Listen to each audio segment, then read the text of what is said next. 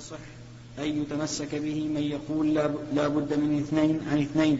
وإلا فمن يشترط أكثر من ذلك فجميع ما ذكر قبل عائشة حجة عليه لأنهم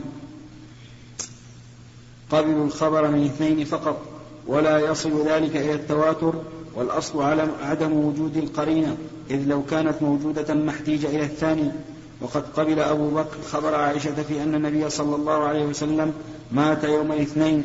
وقبل عمر خبر عمرو بن حزم في أن دية الأصابع سواء وقبل خبر الضحاك بن سفيان في توريث المرأة من دية زوجها وقبل خبر عبد الرحمن بن عوف في أمر الطاعون وفي أخذ الجزية من المجوس وقبل خبر سعد بن أبي وقاص في المسح على الخفين وقبل عثمان خبر الفريعة بنت سنان أخت أبي سعيد, أخت أبي سعيد في إقامة في إقامة المعتمدة عن الوفاة في بيتها. المعتدة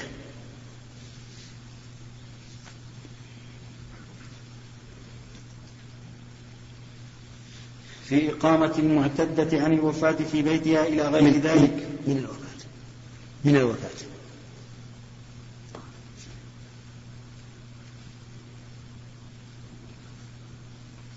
وقبل عثمان خبر الفريعة بنت سنان أخت أبي سعيد في إقامة المعتدة من الوفاة في بيتها إلى غير ذلك ومن حيث النظر أن الرسول عليه الصلاة والسلام بعث لتبليغ الأحكام وصدق الخبر الواحد ممكن. فيجب العمل به احتياطا وإن إصابة الظن بخبر الصدوق غالبة ووقوع الخطأ فيه نادر فلا تترك المصلحة الغالبة خشية المفسدة النادرة. وإن مبنى الأحكام على العمل بالشهادة وهي لا تفيد القطع بمجردها. بمجردها. وقد رد بعض من قبل خبر الواحد ما كان منه زائدا على القرآن وتعقب بأنهم قبلوه في وجوب غسل المرفق في الوضوء وهو زائد وحصول عمومه بخبر الواحد كنصاب السرقة ورده ورده بعضهم بما رده. ورده بعضهم بما تعم به البلوى وفسروا ذلك بما يتكرر وتعقب بأنهم عملوا به في مثل ذلك كإيجاب الوضوء بالقخات في الصلاة وبالقيء والرعاف. وكل هذا مبسوط في أصول الفقه. اكتفيت هنا بالإشارة إليه. وجملة ما ذكره المصنف هنا اثنان, اثنان وعشرون حديثا. الحديث الأول.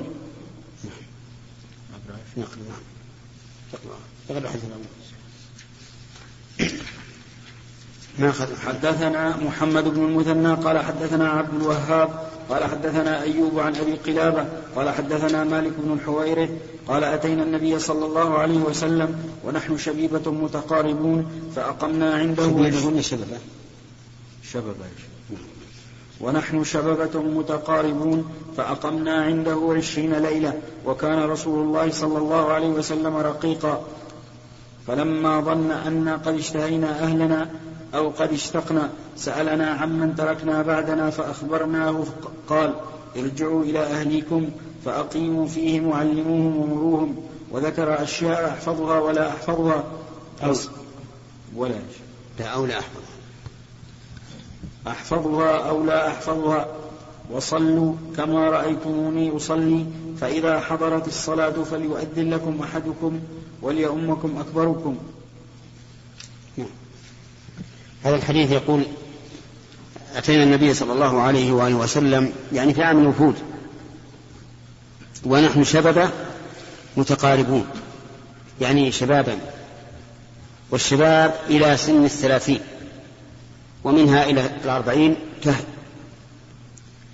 يقول فأقمنا عنده عشرين ليلة أقاموا عنده يتعلمون منه من قوله وفعله وإقراره. ليست إقامة نزهة ولكنها إقامة علم ولكنها إقامة علم. يقول فلما وكان رسول الله صلى الله عليه وآله وسلم رفيقا رفيقا من الرفق. وهذه الجملة لينبني عليها ما بعدها. فلما ظن أن قد اشتهينا أهلنا أو قد اشتقنا أهلنا سألنا عمن تركنا بعدنا فأخبرناه.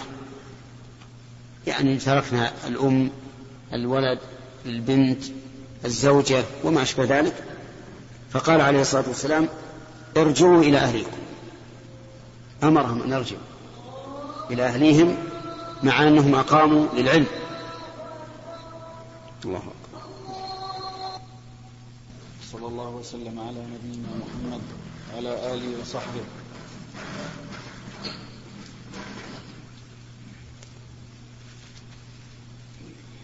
قال البخاري رحمه الله تعالى حدثنا مسدد محمد. اللي قبله حدثنا محمد بن المثنى قال حدثنا عبد الوهاب قال حدثنا أيوب عن أبي قلابة قال حدثنا مالك بن الحويرث قال أتينا النبي صلى الله عليه وسلم ونحن شببة متقاربون فأقمنا عنده عشرين ليلة وكان رسول الله صلى الله عليه وسلم رقيقا. ظن أن نعم.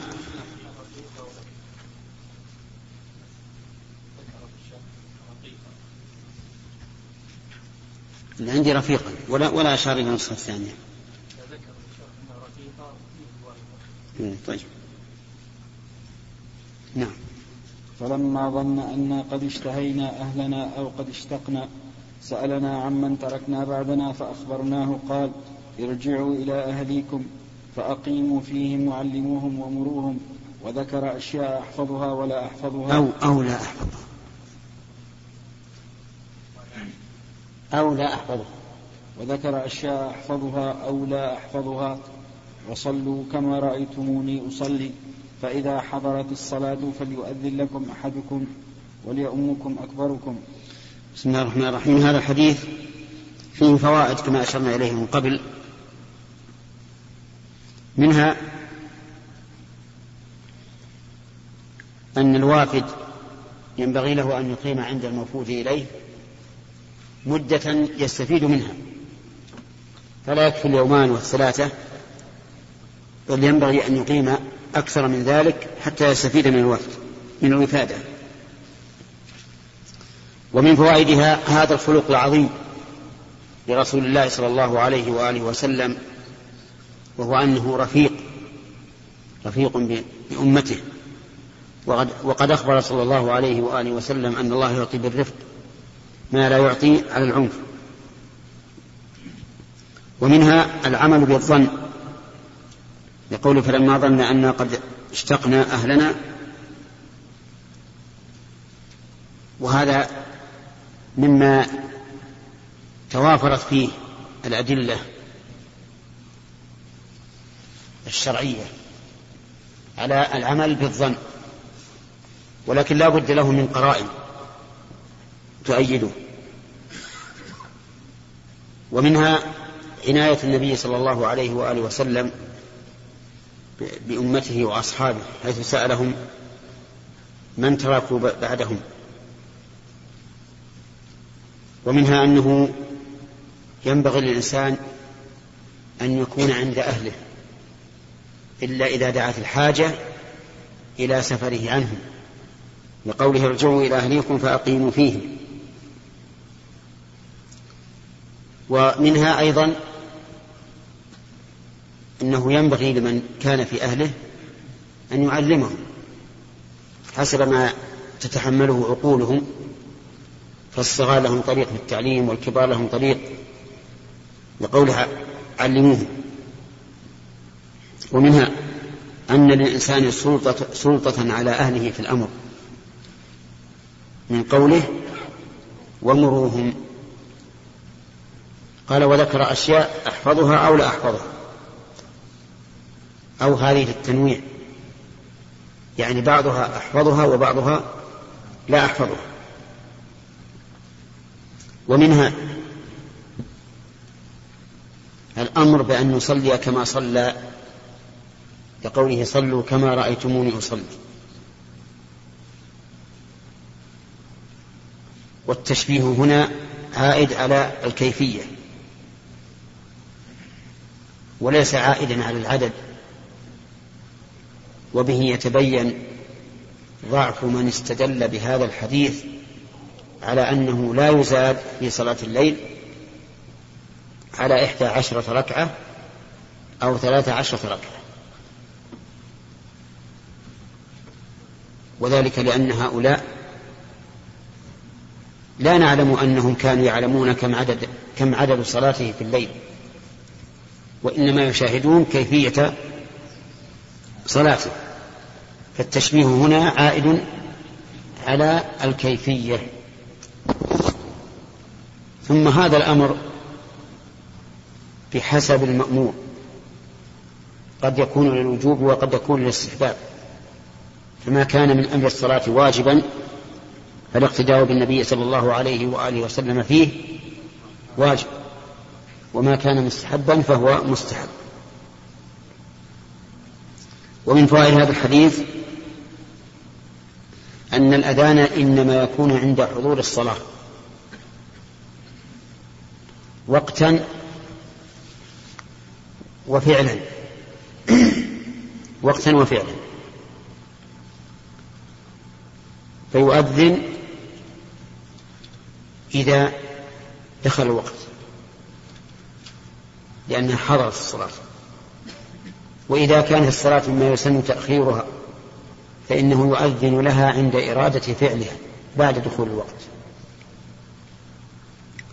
وإذا كانت الصلاة فعلت بعد الوقت لعذر فإنها قد حضرت فيؤذن لها.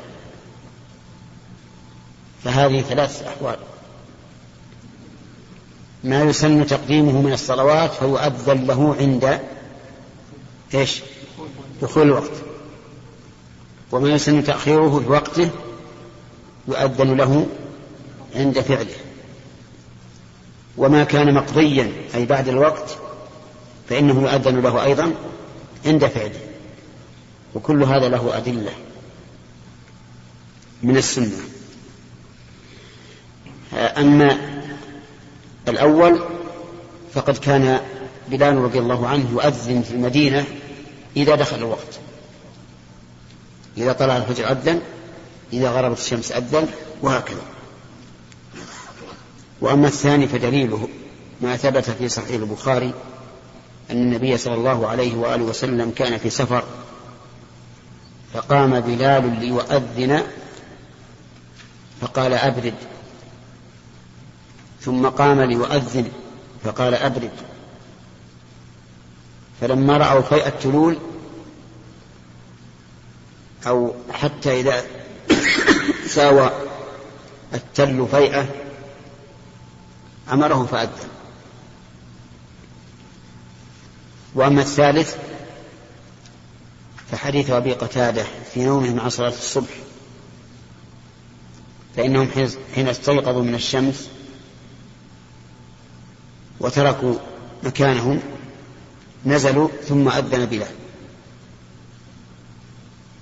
وكل هذا داخل في قوله تحت قوله فإذا حضرت الصلاة. ومن, ومن فوائد هذا الحديث أن الأذان قبل الوقت لا يصح. أن الأذان قبل الوقت لا يصح. لأن الصلاة لا تحضر قبل دخول وقتها. ومن فوائد هذا الحديث أن الأذان فرض كفاية وليس فرض عين. بقول فليؤذن لكم أحدكم. وهذا شيء مجمع عليه. فليس كل الناس يؤذنون. لا يؤذن إلا إلا واحد. ومن فوائد هذا الحديث أنه لا بد أن يرفع المؤذن صوته بحيث يسمعه من من أذن له. لقوله فليؤذن لكم فلو كان الناس في ناحية وخفض المؤذن صوته حتى لا يسمع فإنه لا يجزع. لا بد أن يسمع من يحصل به من تحصل به الجماعة ومن فوائد هذا الحديث أن متابعة المؤذن لا تجب. فيكون مبينا لقول النبي صلى الله عليه وآله وسلم إذا سمعتم المؤذن فقولوا مثل ما يقول المؤذن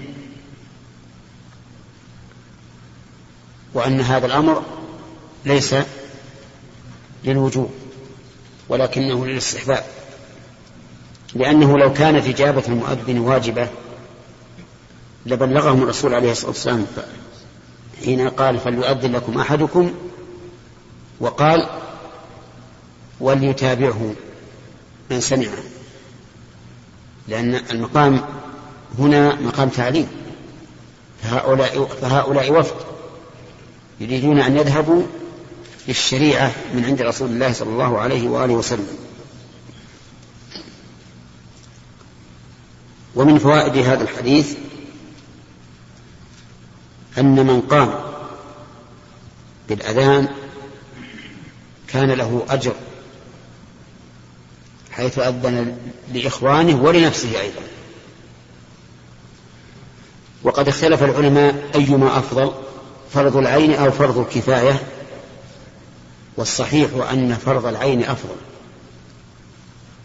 ولهذا أوجبه الله على كل واحد فهو أفضل وأحب إلى الله. نعم. ومن فوائد هذا الحديث وجوب صلاة الجماعة. بقوله وليؤمكم أحدكم أكبركم ولا إمامة إلا بإيش؟ إلا بجماعة. فإذا كان الإمامة واجبة فما لا يتم الواجب إلا به فهو واجب فتجب الجماعة. ومن فوائد هذا الحديث تقديم الأكبر في, في الإمامة. لكن ما لم يعارضه وصف أهم. فالكبر وصف مرجح. ولكن إذا عورض بوصف أهم صار مرجوحا. الوصف الأهم ما ثبت عن النبي صلى الله عليه وآله وسلم في قوله يؤم القوم أقرأهم لكتاب الله. فإن كانوا في القراءة سواء فأعلمهم بالسنة. فإن كانوا في السنة سواء فأقدمهم هجرة. فإن كانوا في الهجرة سواء فأقدمهم سلما أو قال سنا.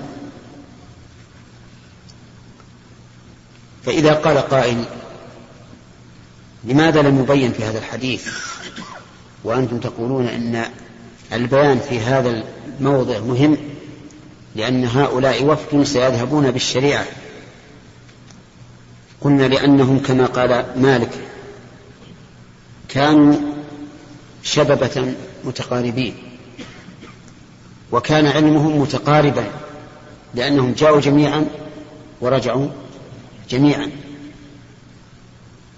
فكأن عند النبي صلى الله عليه وآله وسلم علما بأنهم متساوون أو متقاربون في القراءة والسنة. فقال ولأمكم أكبركم.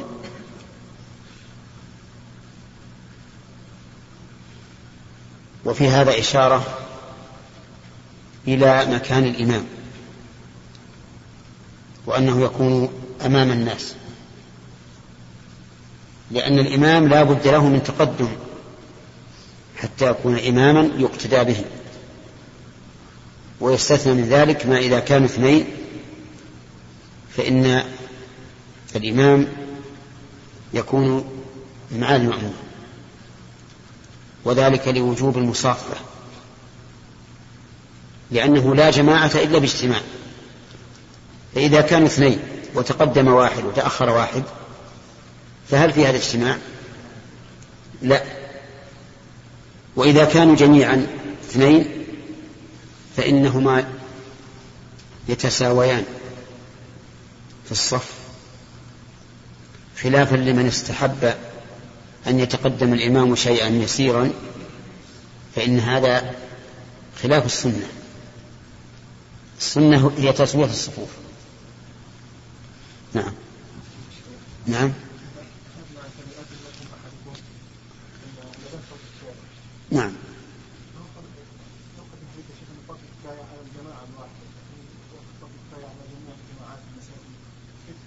نعم. أحدكم. ما في ما ما ما, ما معهم أحد غيرهم ما في أحد غيرهم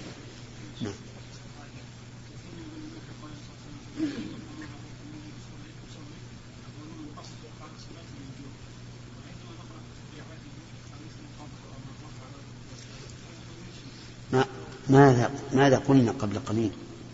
قلنا الأمر هنا صالح للاستحباب والوجوب حسب ما تدل عليه السنة المفصلة. يعني في السنة تفصل في من يرى أنه لا يجب في الصلاة شيء إلا ما ذكر في حديث أبي هريرة في قصة الجاهل في صلاته. الجاهل في صلاته ما ذكر له الرسول إلا, إلا الأركان فقط. التي كان يخل بها. فهل نوافقهم؟ لا نوافق. ولهذا يجب أن أن يتتبع الإنسان السنة في هذا في هذا الباب وينظر ما كان واجبا وما كان ركنا. نعم. وما كان سنة. كان المسجد صغير جدا والإمام الذي يصلي للناس وكثرة الجماعة فهل يصفون مع الجماعة الإمام؟ إذا دعت الحاجة لا بأس. أقول إذا دعت الحاجة فلا بأس. نعم. عادتنا ثلاثة أسئلة فقط بعد كل حديث. نعم.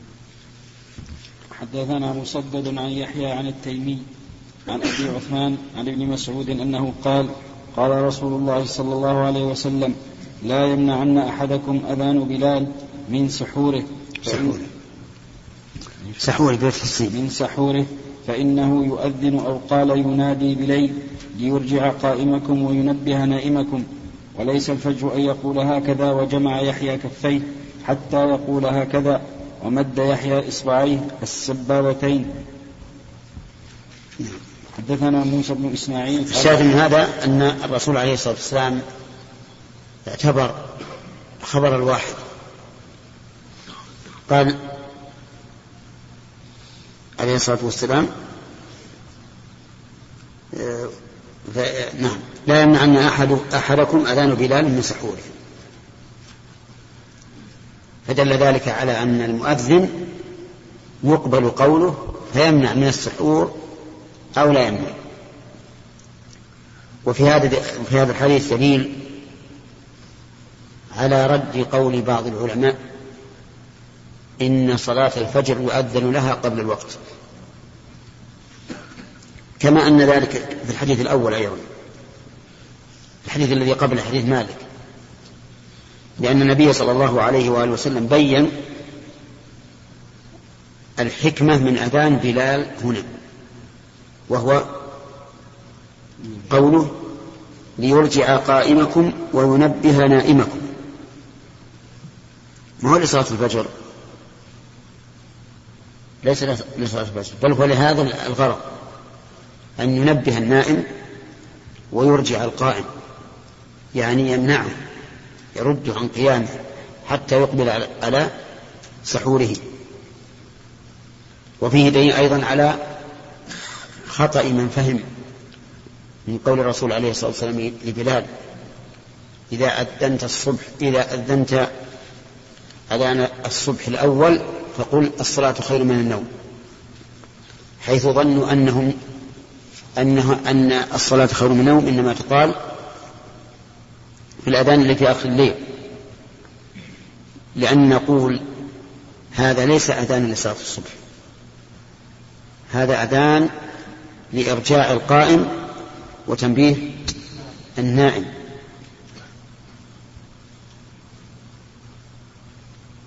قالوا ويدل لقولنا أنه قال الصلاة خير من النوم والخيرية في المستحب. فقلنا لهم هذا خطأ هذا جهل. فالخيرية جاءت بأصل الإيمان وفرائض الإسلام.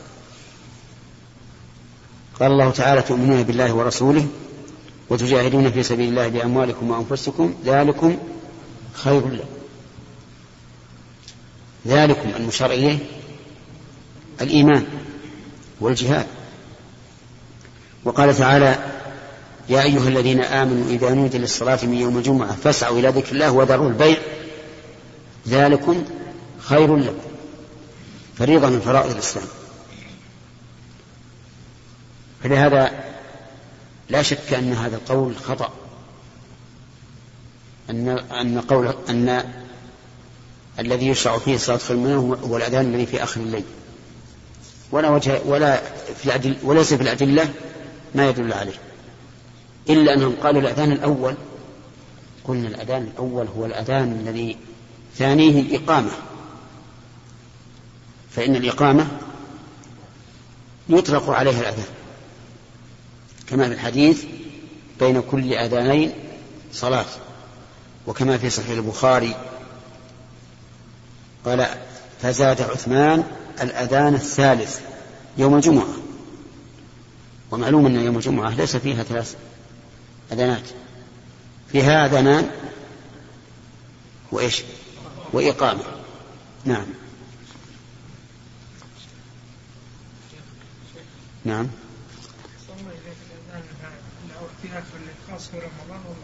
ظاهر السنة أنه في رمضان فقط. ظاهر السنة أنه في رمضان فقط. ولكن ذهب بعض العلماء أنه يشرع حتى في غير رمضان لأن الرسول صلى الله عليه وآله وسلم علل بعلتين. إرجاع القائم والثاني تنبيه النائم. وهذا يكون في كل ليلة. يكون في كل ليلة لمن أراد أن يصوم ومن لم يصوم ففيه التنبيه تنبيه القائم نعم ما معنى ما معنى قوله وليس الفجر أن يقول أن يقول هكذا وجمع يحيى. اي نعم. هذا الفجر الكاذب. الفجر الكاذب منضم ليس هكذا متسع منضم هكذا. لأن هناك فجرين. فجرا صادقا وفجرا كاذبا. وبينهما ثلاث فروق. بين الفجر الصادق والكاذب ثلاثة فروق. الأول أن الفجر الصادق يتسع شمالا وجنوبا وجنوبا. والصادق والكاذب يذهب مستطيلا مستطيلا في الأفق. طول من الغاء من الشرق إلى الغرب وذاك من الجنوب إلى الشمال. الصادق مستطير والكاذب مستطيل. الفرق الثاني أن الفجر الكاذب بينه وبين الأفق ظلمة. يعني النور فيه لا يتصل بالأفق. والصادق يتصل بالأفق. الفرق الثالث أن الكاذب يزول ويحدث بعده ظلمة ولهذا سمي كاذبا. والصادق لا يزول بل لا يزداد بل لا يزال يزداد ضياء حتى تطلع الشمس.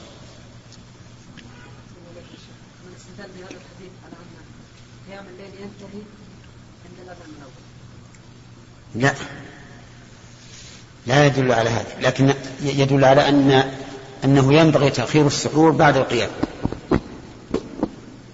وأن الأفضل لمن أراد أن يصوم أن يكف عن القيام من أجل السحور.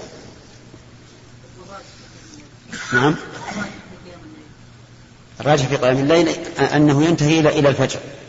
لكن الأفضل منه الأفضل منه ثلث الليل بعد النصف. فينام النصف الأول ثم يقوم الثلث ثم ينام السدس. هذا هو الأفضل. ثلاثة؟ نعم. حدثنا موسى بن إسماعيل قال حدثنا عبد العزيز بن مسلم قال حدثنا عبد الله بن دينار قال سمعت عبد الله بن عمر رضي الله عنهما عن النبي صلى الله عليه وسلم أنه قال إن بلالا ينادي بليل فكلوا واشربوا حتى ينادي ابن أم مكتوم. حدثنا حفص بن عمر قال حدثنا هذا كالأول إلا أنه أصرح في أن أذان المؤذن يجب العمل به في الامتناع عن الأكل والشرب. وكان ابن أم مكتوم رجلا أعمى. لا يؤذن حتى يقال له أصبحت أصبحت. ثم يقوم فيؤذن. وفي هذا دليل على خطأ اجتهاد بعض الناس المتعمقين المتنطعين الذين يؤذنون في رمضان للفجر قبل دخول الوقت. زعموا أن ذلك حماية للصوم واحتياط للصوم. ولكننا نقول هذا ليس احتياطا للصوم. المشروع في الصوم أن تتسحر إلى طلوع الفجر. ثم على زعمك أنه احتياط للصوم ففيه تفريط في الصلاة. لأن من سمع النداء فربما يقوم فيصلي فيكون قد صلى قبل وقت ثم إن فيه جناية على عباد الله فيه جناية على عباد الله. لأنك تمنعهم مما أحل الله لهم إلى الفجر. فإن أكثر الناس إذا سمعوا النداء أمسكوا بل رأيت في بعض التقاويم يكتب الوقت آه الإمساك طلوع الفجر. ويجعل بين الإمساك وطلوع الفجر خمس دقائق أو نحوها. وهذا لا شك أنه من المضادة لحكم الله. كيف يقول الله عز وجل حتى تأكلوا واشربوا؟ حتى يتبين لكم وأن تقول كل واشرب حتى يبقى خمس دقائق أو نحوها لكن هلك المتنطعون نعم. حدثنا سليم.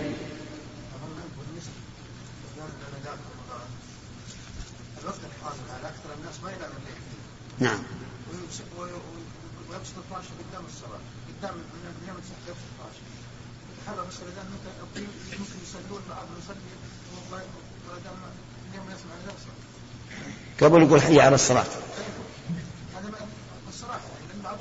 صحيح؟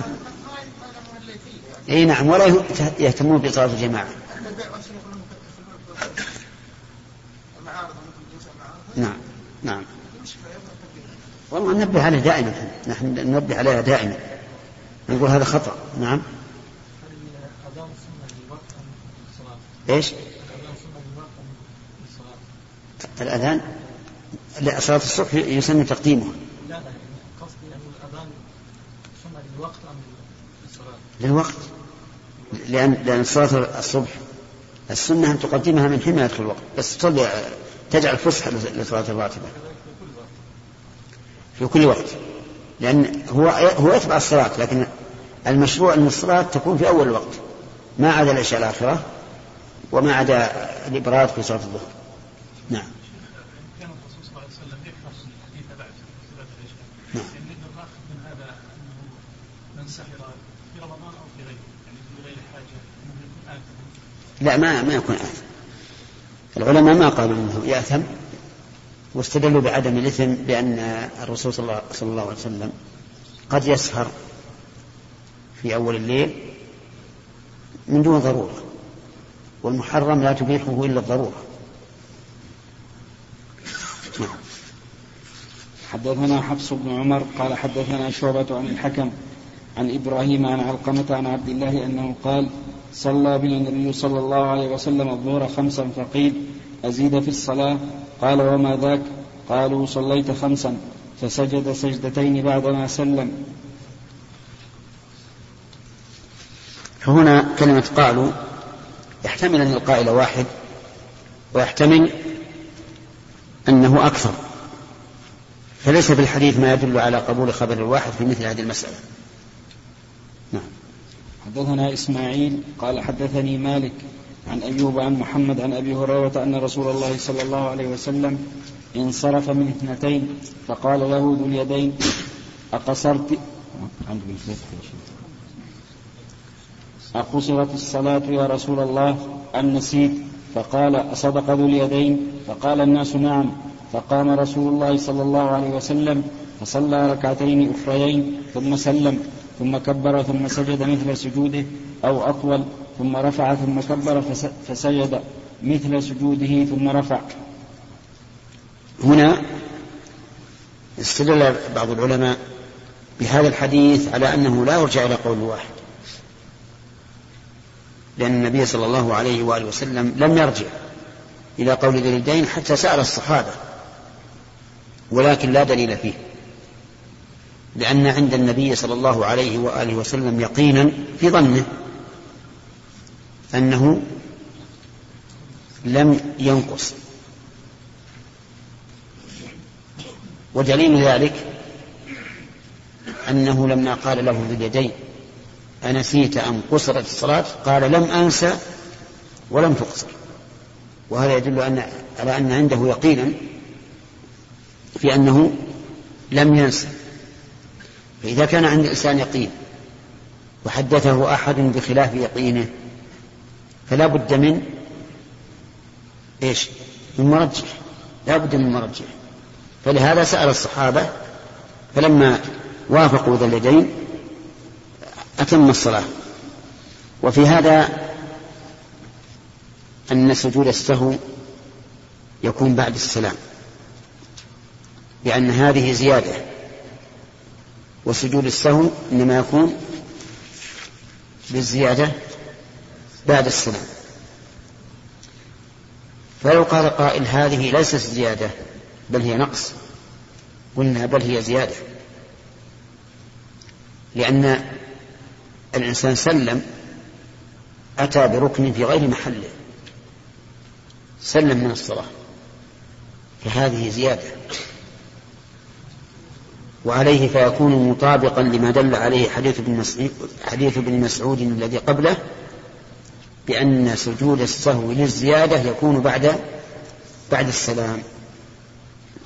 وهناك أيضا مسألة أخرى يكون سجود السهو فيها بعد السلام وهي ما إذا شك في عدد الركعات وترجح عنده أحد الأمرين فإنه يأخذ بالراجح ويتم عليه ويسجد بعد السلام.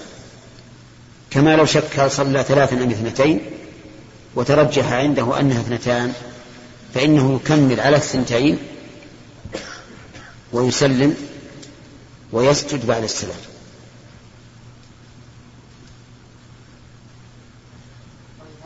وفي أما إذا كان أما الذي قبل السلام ففي موضعين. إذا نقص واجبا من واجبات الصلاة أو شك مع التردد وعدم الترجيح. فإذا نقص واجبا من واجبات الصلاة كالتشهد الأول وقول سبحان رب الأعلى فإن صلاته صحيحة ويسجد قبل السلام وإذا شك مع التردد بنى على اليقين وهو الأقل وسجد قبل السلام. فصار السجود قبل السلام في موضعين والسجود بعد السلام في موضعين. نعم. اي نعم. في تشهد وسلام.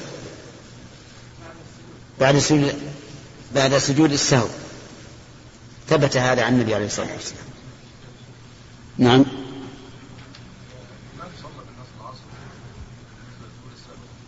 ها؟ نعم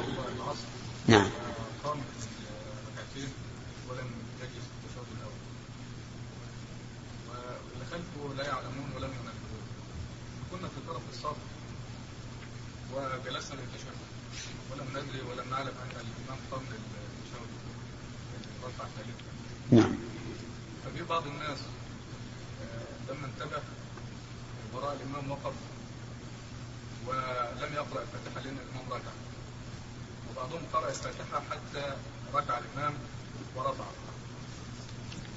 إيه يقرأ يقومون ويقرؤون الفاتحة ثم يتابعون الإمام ولو رفع الإمام قبلهم. ها؟ لما قرأ الفاتحة الذي نرى أنه يعيد صلاته. لأن الفاتحة ركن. أخذنا ثلاثة. طيب.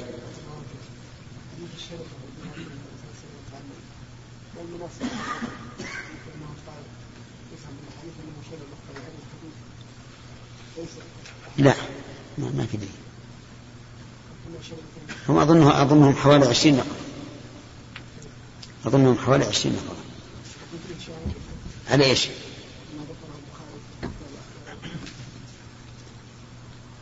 كيف؟ نعم.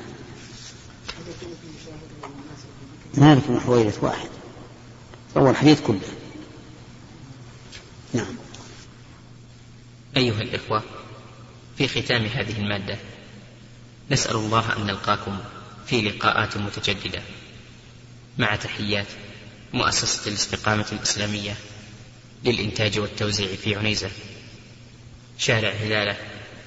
رقم الهاتف والناسخة الهاتفية صفر ستة ثلاثة ستة أربعة ثمانية ثمانية ثمانية صفر.